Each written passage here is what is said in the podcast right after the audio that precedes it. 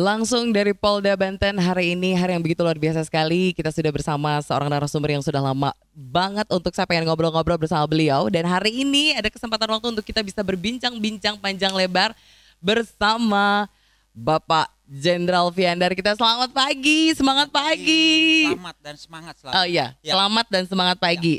Dua kalimat yang hampir sama tapi berbeda arti ya Pak. Iya, iya. Yes, Pak.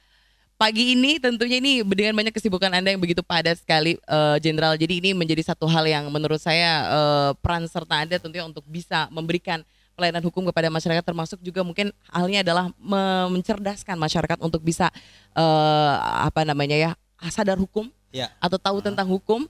Tapi di sini kita tidak berbicara tentang detail masalah hukum-hukum dan menghukum, Jenderal. hmm. Tapi kita ngomongin sesuatu hal yang lagi baru dan lagi hangat banget untuk dibicarakan. Nah, itu Hmm. nah, apa tuh?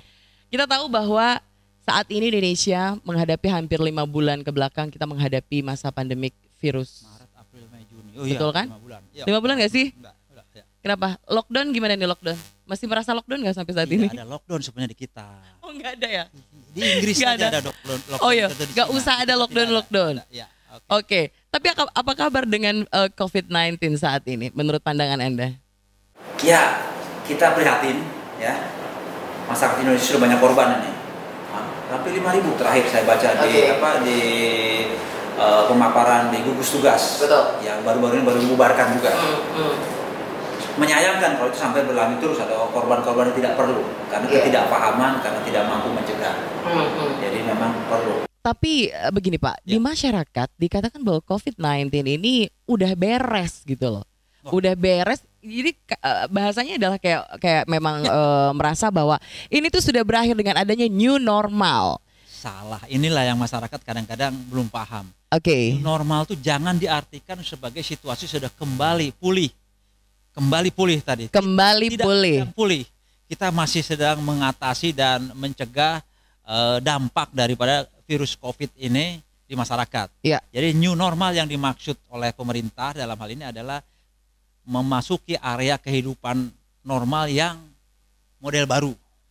Masuk normal kehidupan yang- tatanan baru. Iya, Nah, tatanan baru ini sendiri eh, maksudnya di sini kan apakah eh, sebelum Covid atau setelah Covid? Ini kan menjadi satu hal yang rancu sebetulnya. saat dan setelah COVID nantinya. Sekarang kan Oke. belum berakhir. Oke. COVID masih nih. Saat sekarang ini harus bagaimana masyarakat berperilaku di kesehariannya ini perlu dipahami dan dilaksanakan oleh masyarakat. Iya. Misalnya ngobrol yang deket-deket kayak begini, Iya. bahaya nih. Tapi kalau mic-nya Tapi deketan ini kayaknya bagus nih. Kalau mic-nya Bicara deketan kayaknya oke. 10 meter. Konon katanya sebaran droplet itu satu meter dan sekitarnya. Kalau ngomongnya muncrat-muncrat, Ah. Oke.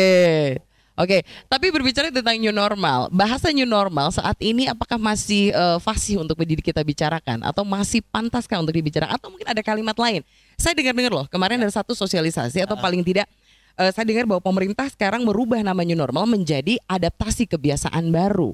Betul. Sebenarnya kalimat ini tuh kalimat yang sama, eh sorry, kalimat yang berbeda dan berbeda pula artinya. Itu seperti apa Ya. menurut pandangan Anda? kalau makna yang dicapai oleh masyarakat semua sama, beradaptasi terhadap kebiasaan baru. Mhm. Cuman ketika menggunakan istilah atau terminologi new normal, masyarakat konotasinya dikhawatirkan mengarah kepada situasi sudah pulih dan mereka kembali hidup normal dalam seperti yang lalu ketika Covid belum ada. Ini bahaya Oh, soal jadi ini. mungkin kalimat new Ah. normal ini dikira masyarakat tuh eh udahan kok eh, coronanya juga Nah. udah pergi, udah nggak ada Itu gitu kan. yang Dikhawatirkan dengan adanya konsep baru itu memang menghindari jangan sampai masyarakat merasa bahwa sudah lewat nih, Mm-mm, kembali mm-mm. lagi ke normal masa lalu. Oke, oke, oke. Normal dengan masa yang yang sekarang dengan cara-cara yang baru.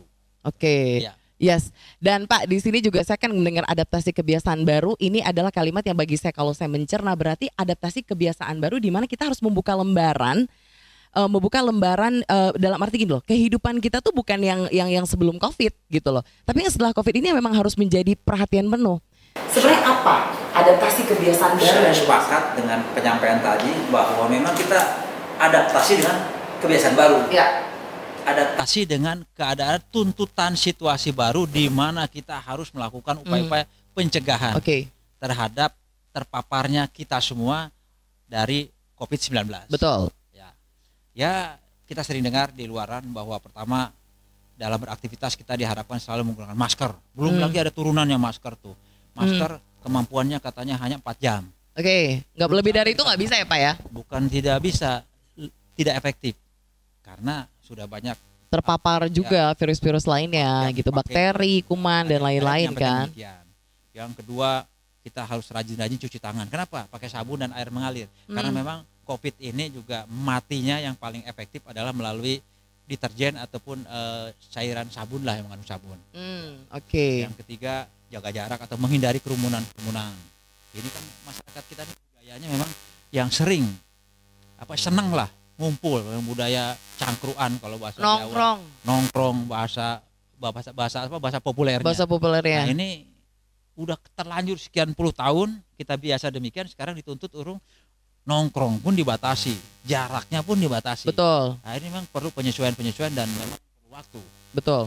Tugas Polri dengan masyarakat, dengan instansi pemerintahan bagaimana Hmm. mengedukasi masyarakat supaya mereka ya mulailah eh, familiar ataupun membiasakan diri dengan kebiasaan Ngobrolin tentang Iya. harus familiar yang masyarakat terhadap adaptasi kebiasaan baru ini bukan perkara yang mudah. Iya, Bagi benar, saya setuju. Polri ada di tengah-tengah masyarakat. Kalimatnya gini Pak, polisi itu cuma ngamanin doang, Hmm, ya. hmm. Polisi itu cuma menjaga ketertiban Indonesia negara. Tapi Ya. kenapa yang kayak gini-gini juga ikut-ikutan gitu loh? Oh, ini ini iya. sulit nggak bagi Iya. Polri sendiri? Artinya adalah cukup sulit kan tentunya banyak kendala yang mengkampanyekan kalimat ini atau juga mengimplementasikannya kepada masyarakat. Iya. Kita ketahui bahwasanya tadi Bapak bilang Aha. masyarakat tuh masih enggan atau kalau kata orang Sunda mah hararese gitu tah. Kumaha tah Pak. Ya. Gimana tuh? Yang pertama bahwa tugas Polri adalah menyelamatkan masyarakat dari hal-hal yang bersifat kesusahan, musibah dan sebagainya. Tugas pokoknya polisi.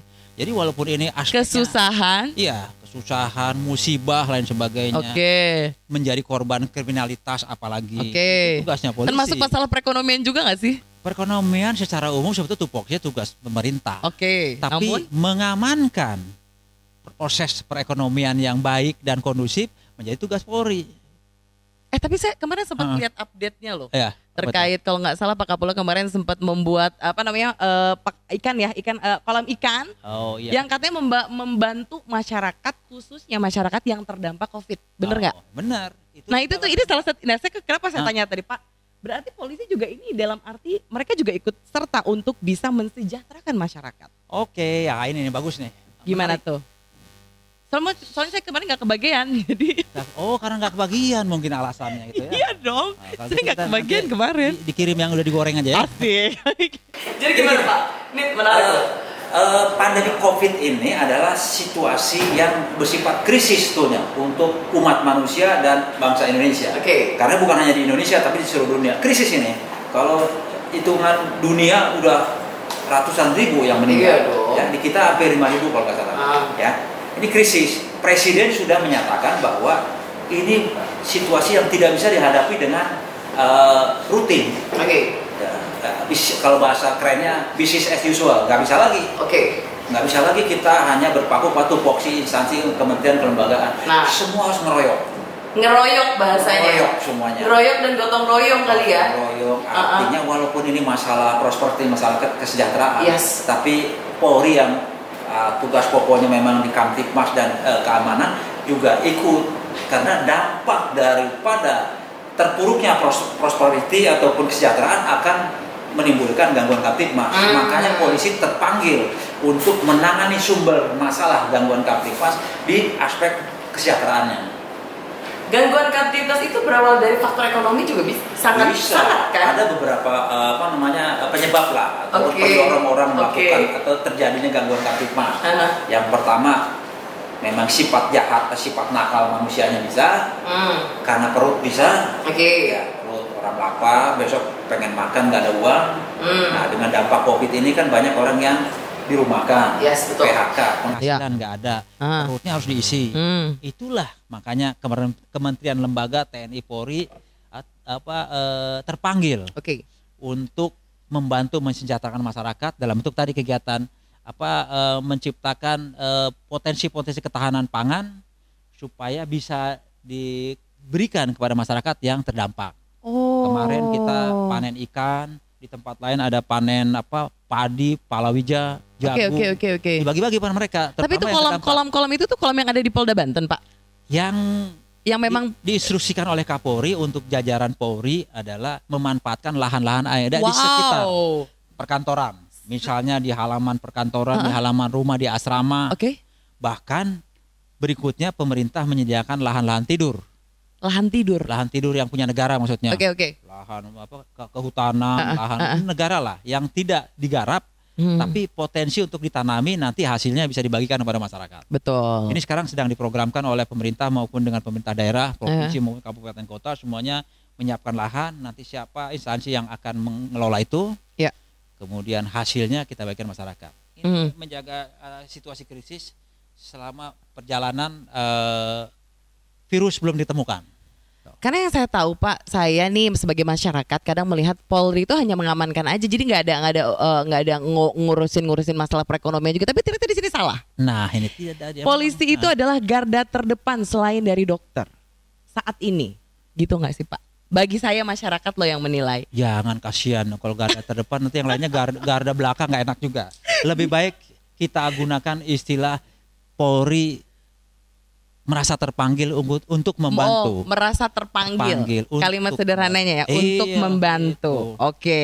supaya tetap tupoksi masing-masing kementerian lembaga tetap ada dong. Iya dong. Maksudnya mencegah. didukung. Tadi kan Nah. bahasanya keroyokan, gotong royong. Iya, nah, kalau iya. nggak kayak gini siapa lagi yang mau berbuat? Iya, Karena kan itulah. polisi juga dekat dengan masyarakat, apalagi polisi sekarang di, di, di- dicanangkan sebagai polisi yang humanis. Iya, iya. Iya kan, Pak? Aha. Humanis sendiri kan, ini lebih dekat dengan masyarakat. Pak, di Banten sendiri kita beralih ke tadi kita mengatakan bahwa adaptasi eh, kebiasaan baru. Iya. Adaptasi ini tuh sebenarnya masih meraba-raba nggak sih? Maksudnya gini loh, mengingat memang banyak sekali masyarakat di awal mulai banyak kepanikan, ya nggak sih? Galau, waduh mereka, waduh histeris banget ketika adanya masalah seperti ini. Dan apakah mungkin ke kepatuhan masyarakat pun ini justru semakin meningkat atau bahkan sebaliknya biasa aja? Dengan rasa- adanya kayak gini. Jadi gini Pak, kita udah bener nih dari Polri, dari pemerintah udah ngomong bener bahwa ayo dong new normal atau mungkin adaptasi kebiasaan baru. Tapi masyarakatnya biasa aja gitu. Kayak nggak ada apa-apa, kayaknya baik-baik aja. Saya rasa enggak. Masyarakat sudah mulai juga paham. Di Banten loh Pak. Ya, pertama masyarakat Banten juga sudah menyadari bahwa ada ancaman. Hmm. Ancaman virus yang sangat menakutkan dan tidak terlihat, tidak kasat mata dan ini membahayakan keselamatan jiwa Oke. mereka, keluarganya. Sudah Hmm. mulai sadar mereka karena mereka kan tiap hari melihat di media ada orang mati dikubur, ada orang lagi dirawat di rumah sakit yang Ya. ter- terdampak dan sebagainya. Saya itu menjadi apa pembelajaran dan juga referensi bagi masyarakat bahwa oh ini ada bahaya nih, ya.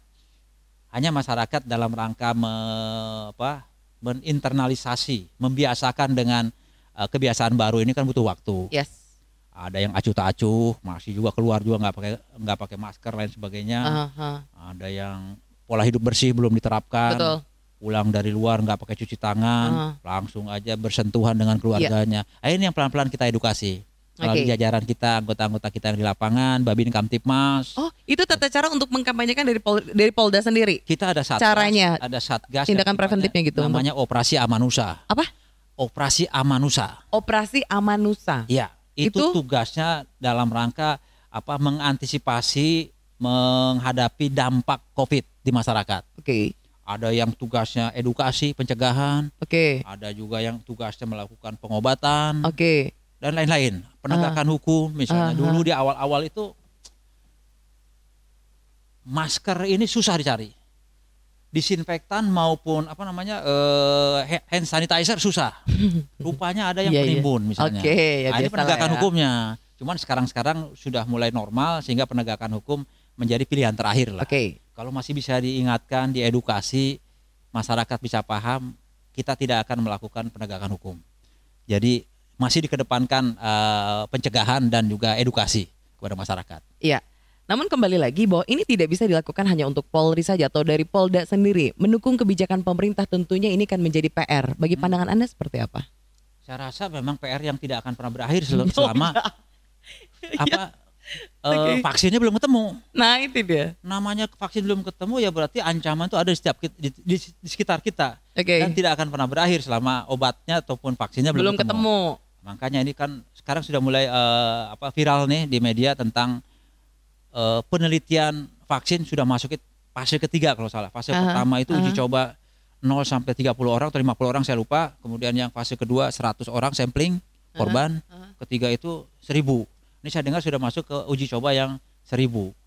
Walaupun mungkin lebih ahlinya dinas kesehatan lah. itu Betul, mah. betul, Ya betul. sepintas saya baca di berita itu. Oke, makanya kenapa di sini Polri, ayo dong masyarakatnya kami tidak bisa ber- ber- ber- berjalan sendiri atau kami tidak hanya sekedar ayo ayo mendorong gitu memberikan himbauan. Sekali.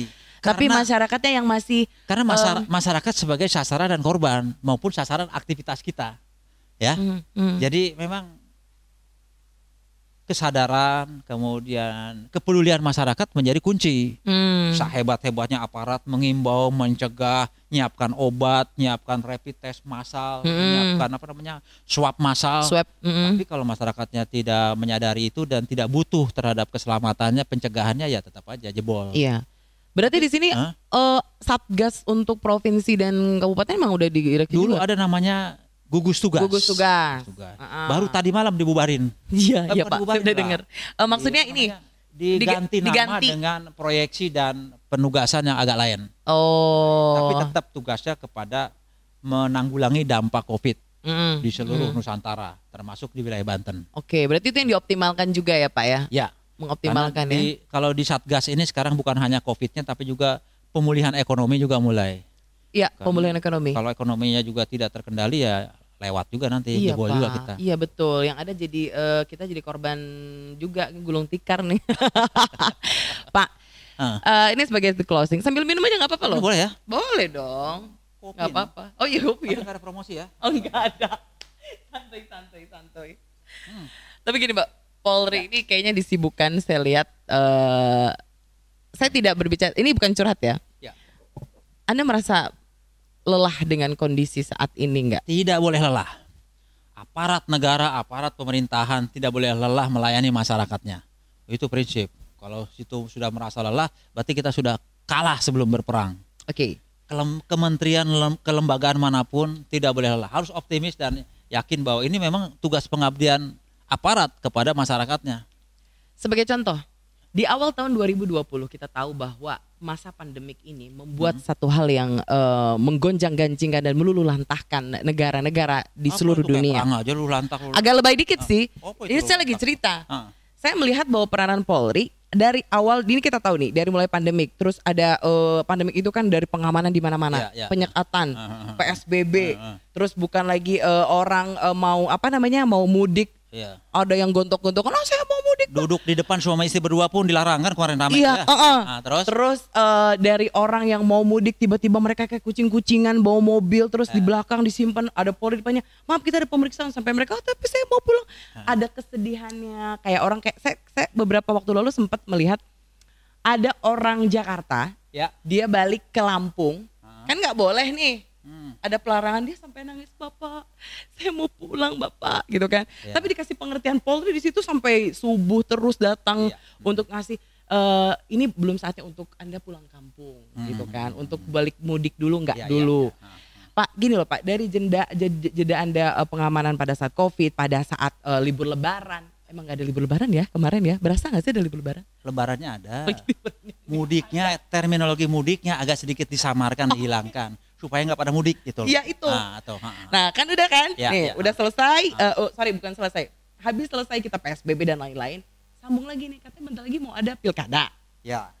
Pak pilkada PR besar loh Pak bagi saya. Hmm. Saya ngelihatnya ini kan kita nggak boleh ada, yang penting kan ada kampanye, terus juga ada eh, lawan-lawannya yang akan kita tahu pesta demokrasi gitu ya atau pesta yang kayak gitu kan Ah, mengakibatkan kerumunan, iya nggak? hmm, hmm. Ini ini gimana Pak? Saya bingung tapi nanti kita bahas loh ini. Oh gitu. Untuk kita- ini selintas oke. aja. Itu untuk yang berikutnya aja ya. yang berikut ya. Oh, Nah maksud oh, saya itu. ini gimana nih? Ini kan anda tuh kayaknya buat PR-nya banyak banget dan kayaknya memutar otak Polri. Aduh ini pengamanan lagi. Aduh Yang ini pasti lagi. kita sudah punya jurus untuk yang kedua itu nanti. Oh ya? Ada nanti kita lihat pokoknya tunggu loh. Itu gimana gitu loh? Itu kan TPS, TPS, orang berkerumun, orang pesta demokrasi. Aduh ini bahaya banget gitu loh. Ada Yang pasti. Kita udah pengalaman sekian tahun dari mulai 2000 berapa ya. Polri mengamankan dan ya penyelenggaraan pemilu ini di aspek pengamanan kita itu mulai setelah reformasi kalau nggak salah. Oke. Ya mudah-mudahan akan lebih baik kualitasnya daripada pengamanan eh, pilkada-pilkada sebelumnya. Tapi Bapak sudah siap ya dengan pilkada tahun ini Oh, yang agak siap. berbeda dan unik banget. Ini di luar dari sejarah Anda eh, menjadi di jajaran Polri. Saya justru agak senang pilkada gitu yang akan datang itu dengan adanya Covid, maka aktivitas pengumpulan masanya pasti akan dikurangi Iya. melalui regulasi. Tapi kan Pak masyarakat enteng. sendiri kan nggak gitu Pak. Eh maunya Covidnya kan udah lama Pak Kapolda udah biarin aja yuk kita kalau iya gitu kan mereka jalan-jalan jalan iya gitu. Nggak ya? Nggak bakal ya? setelah dua tiga periode terakhir ini pilkada dengan kampanye yang hura-hura sudah mulai nggak laku lagi. Iya sih. Kampanye Termasuk eh, kampanye di media juga udah jarang kayaknya. kasihan ya media kalau gitu ya. Iya dong. Nggak laku. Saya curhat loh ya. Bukan nggak laku sih pakainya Ah. nggak mengarahkan ke kami gitu. Oh, gitu. Tapi sekarang kayaknya mengarah situ lagi Bisa. karena Asik. kampanye Iya, siap, di siap, lapangan siap. berkurang, kampanye di mana eh, pawai berkurang, larinya ke media pasti sekarang ini. Benar ya Pak? Bahkan sekarang sudah mulai Siap. para calon itu mengkampanyekan dirinya melalui media sosial. Hmm. Aktivitas yang dulunya Twitter segala macam jarang mereka eh, berkecimpung di sana sekarang sudah mulai aktif. Karena tahu masyarakat sekarang semuanya pegang gadget, Hmm. semuanya punya akun, entah itu Facebook ataupun apa eh, Twitter lain sebagainya. Yes. Jadi tahu mereka ini murah meriah nih. Cuman ngomong sekali aja bisa nyampe ke kumpulan massa yang demikian rupa. Oke, Lebih murah dong. saya kepo dengan kesiapan Polri, eh, Polda Banten dalam hal ini mempersiapkan diri untuk menjelang akhir, ta- akhir tahun di Pilkada 2020, di mana masa ini adalah masa yang cukup unik bagi sejarah eh, kampanye mungkin ya. Ya, ya, ya. Tapi tentunya nanti kan kita dengar di sesi kita berikutnya Pak. Oke, ya, tapi Pak. untuk closing statement. menarik nanti itu. Betul. Tadi jurus-jurus akan saya keluarkan. Iya, saya penasaran tuh jurusnya Ah, apa. itu. Ini kan gila banget nih. Pak Kapolda, ini kita akan ngobrolin terakhir sebelum Ya. kita closing eh, tentunya di sini di um, apa adaptasi kebiasaan baru ini merupakan suatu hal yang mungkin sama sebetulnya ya di Hmm. new normal itu hanya saja mungkin menggiring masyarakat untuk lebih proaktif. Bahasanya gitu ya. Proaktif untuk terus eh, apa membiasakan diri di Biasakan kebiasaan. dengan tuntutan, tantangan, ancaman yang baru. Betul. Kalau dulu nggak ada ancamannya ngobrol deket, dulu nggak ada ancamannya salaman, sekarang ada ancaman sehingga mereka harus menyesuaikan memang. Betul. Ah, Oke, himbauan Anda untuk masyarakat Banten ini hari ini silahkan. himbauan. Yang pertama masyarakat diharapkan tetap menjaga kesehatan secara umum. Oke. Kalau orang sehat kan bisa produktif. Kalau orang sehat tuh bisa melakukan pekerjaan-pekerjaan lebih maksimal, lebih lebih eh, berhasil guna lah Betul. dalam kondisi sehat. Yang Hmm. kedua, pemerintah sudah mencanangkan ataupun mendeklar tentang aktivitas kegiatan yang berpedoman kepada protokol kesehatan. Ya. Apa sih protokol kesehatan itu? Mulai dari pola hidup bersih, Hmm. mencuci tangan sering dengan sabun atau deterjen Hmm. ataupun apa apa namanya disinfektan. Menggunakan masker. Hmm, Tadi saya sampaikan di depan, maskernya juga jangan sembarang asal-asal masker saja. betul. cara gunakannya jangan asal saja. Ada yang menggunakan masker di dagunya. Ya gini Seperti dong bapak gitu itu kan. itu itu kan di dagunya aja pak ma- masang maskernya. Mm, Nggak, nggak Nggak menutup, udara yang ya. masuk di apa dihisap oleh eh, mulut atau oleh hidungnya. Kemudian juga men- menghindari diri dari tempat-tempat kerumunan. Ya. Kenapa? Karena di situlah ada sumber-sumber eh, virus yang tidak kita kenali, kita kita lihat tidak kasat mata, apalagi yang dibawa oleh orang-orang yang menggunakan istilah OTG orang tanpa, tanpa gejala. Nah itu, apakah ibu juga bergejala sekarang itu, Mbak Yu? Eh, kita eh tidak tahu. ibu lah, bukan ibu ya? Eh, sus. Sis, eh kayak orang kayak orang Belanda aja deh. itu kira-kira. Oke, Pak Kapolda, tentunya eh, kita tahu bahwa masa ini belum berakhir, tapi tentunya di sini peranan Polri terus menerus untuk memberikan edukasi kepada masyarakat bukan perkara yang mudah. Ya. Tapi Anda tentunya punya beberapa jurus-jurus seperti tadi ya. Ada bukan jurus lagi sih, ini udah udah udah punya tindakan tersendiri bagi Polda. Ya. Ketika bagaimana sih kita dekat dengan masyarakat? Ini kan dekat sama masyarakat ya Pak ya. Ya, ya. Kesan humanisnya Polri ini menurut saya sekarang udah berbeda intinya itu dengan pendekatan yang berbeda juga kan Oh, gitu ya jadi Ya, ya. kita mencoba saat ini ayo dekat dengan masyarakat ayo dekat Hmm. dengan Polri Ya. ya Pak ya Hmm. apa pun yang berkaitan dengan eh, boleh nggak sih curhat sama Pak Kapolda Boleh. Polda. Kalau perlu kita kasih hotline-nya. asik betul Nomor handphone saya dikasih serius nih pengaduan-pengaduan masyarakat yang Langsung selama loh. ini terputus ya artinya di level bawah nggak nyampe Kapolda saya siap menerima masukan itu Siap. Handphone saya pun siap di share. 24 hour loh, 24 jam nih guys ya. Ya tapi Baik. kalau tengah malam lagi tidur nggak kebuka baru besoknya ya harap dimaklum juga lah. Yalah gitu. kan Bapak juga manusia Pak ya. Iya kita perlu istirahat juga. Oke. Daya tahannya terbatas. Oh siap. Eh, Jenderal, kita harus mengakhiri obrolan kita hari ini. Oke, Terima sebentar, kasih. Saya masih senang nih ngobrol. Eh, Baru berapa? 30 menit? Baru Aku tahu kita? sih Hah? 38 menit. Oh, Oke. Tapi karena closing kita akan mengambil tema yang lain untuk di sesi berikutnya. Oke. Terima kasih untuk hari ini sudah berbagi Sama-sama. cerita, berbagi informasi dengan kami. Saya ingin pesan kepada masyarakat tetap pedomani protokol kesehatan Betul. ya itu supaya apa ya menghindari kena virus. Betul. Ah. Ayo leh kita gotong royong, kita keroyokan ya untuk bisa mensukseskan untuk melawan COVID-19. Iya. Oke, terima kasih Jenderal Oke, untuk hari ini. Sama-sama. Salam hangat selalu dan semangat terus. Terima kasih banyak langsung dari Mapolda Banten di podcast kita untuk hari ini. Terima kasih.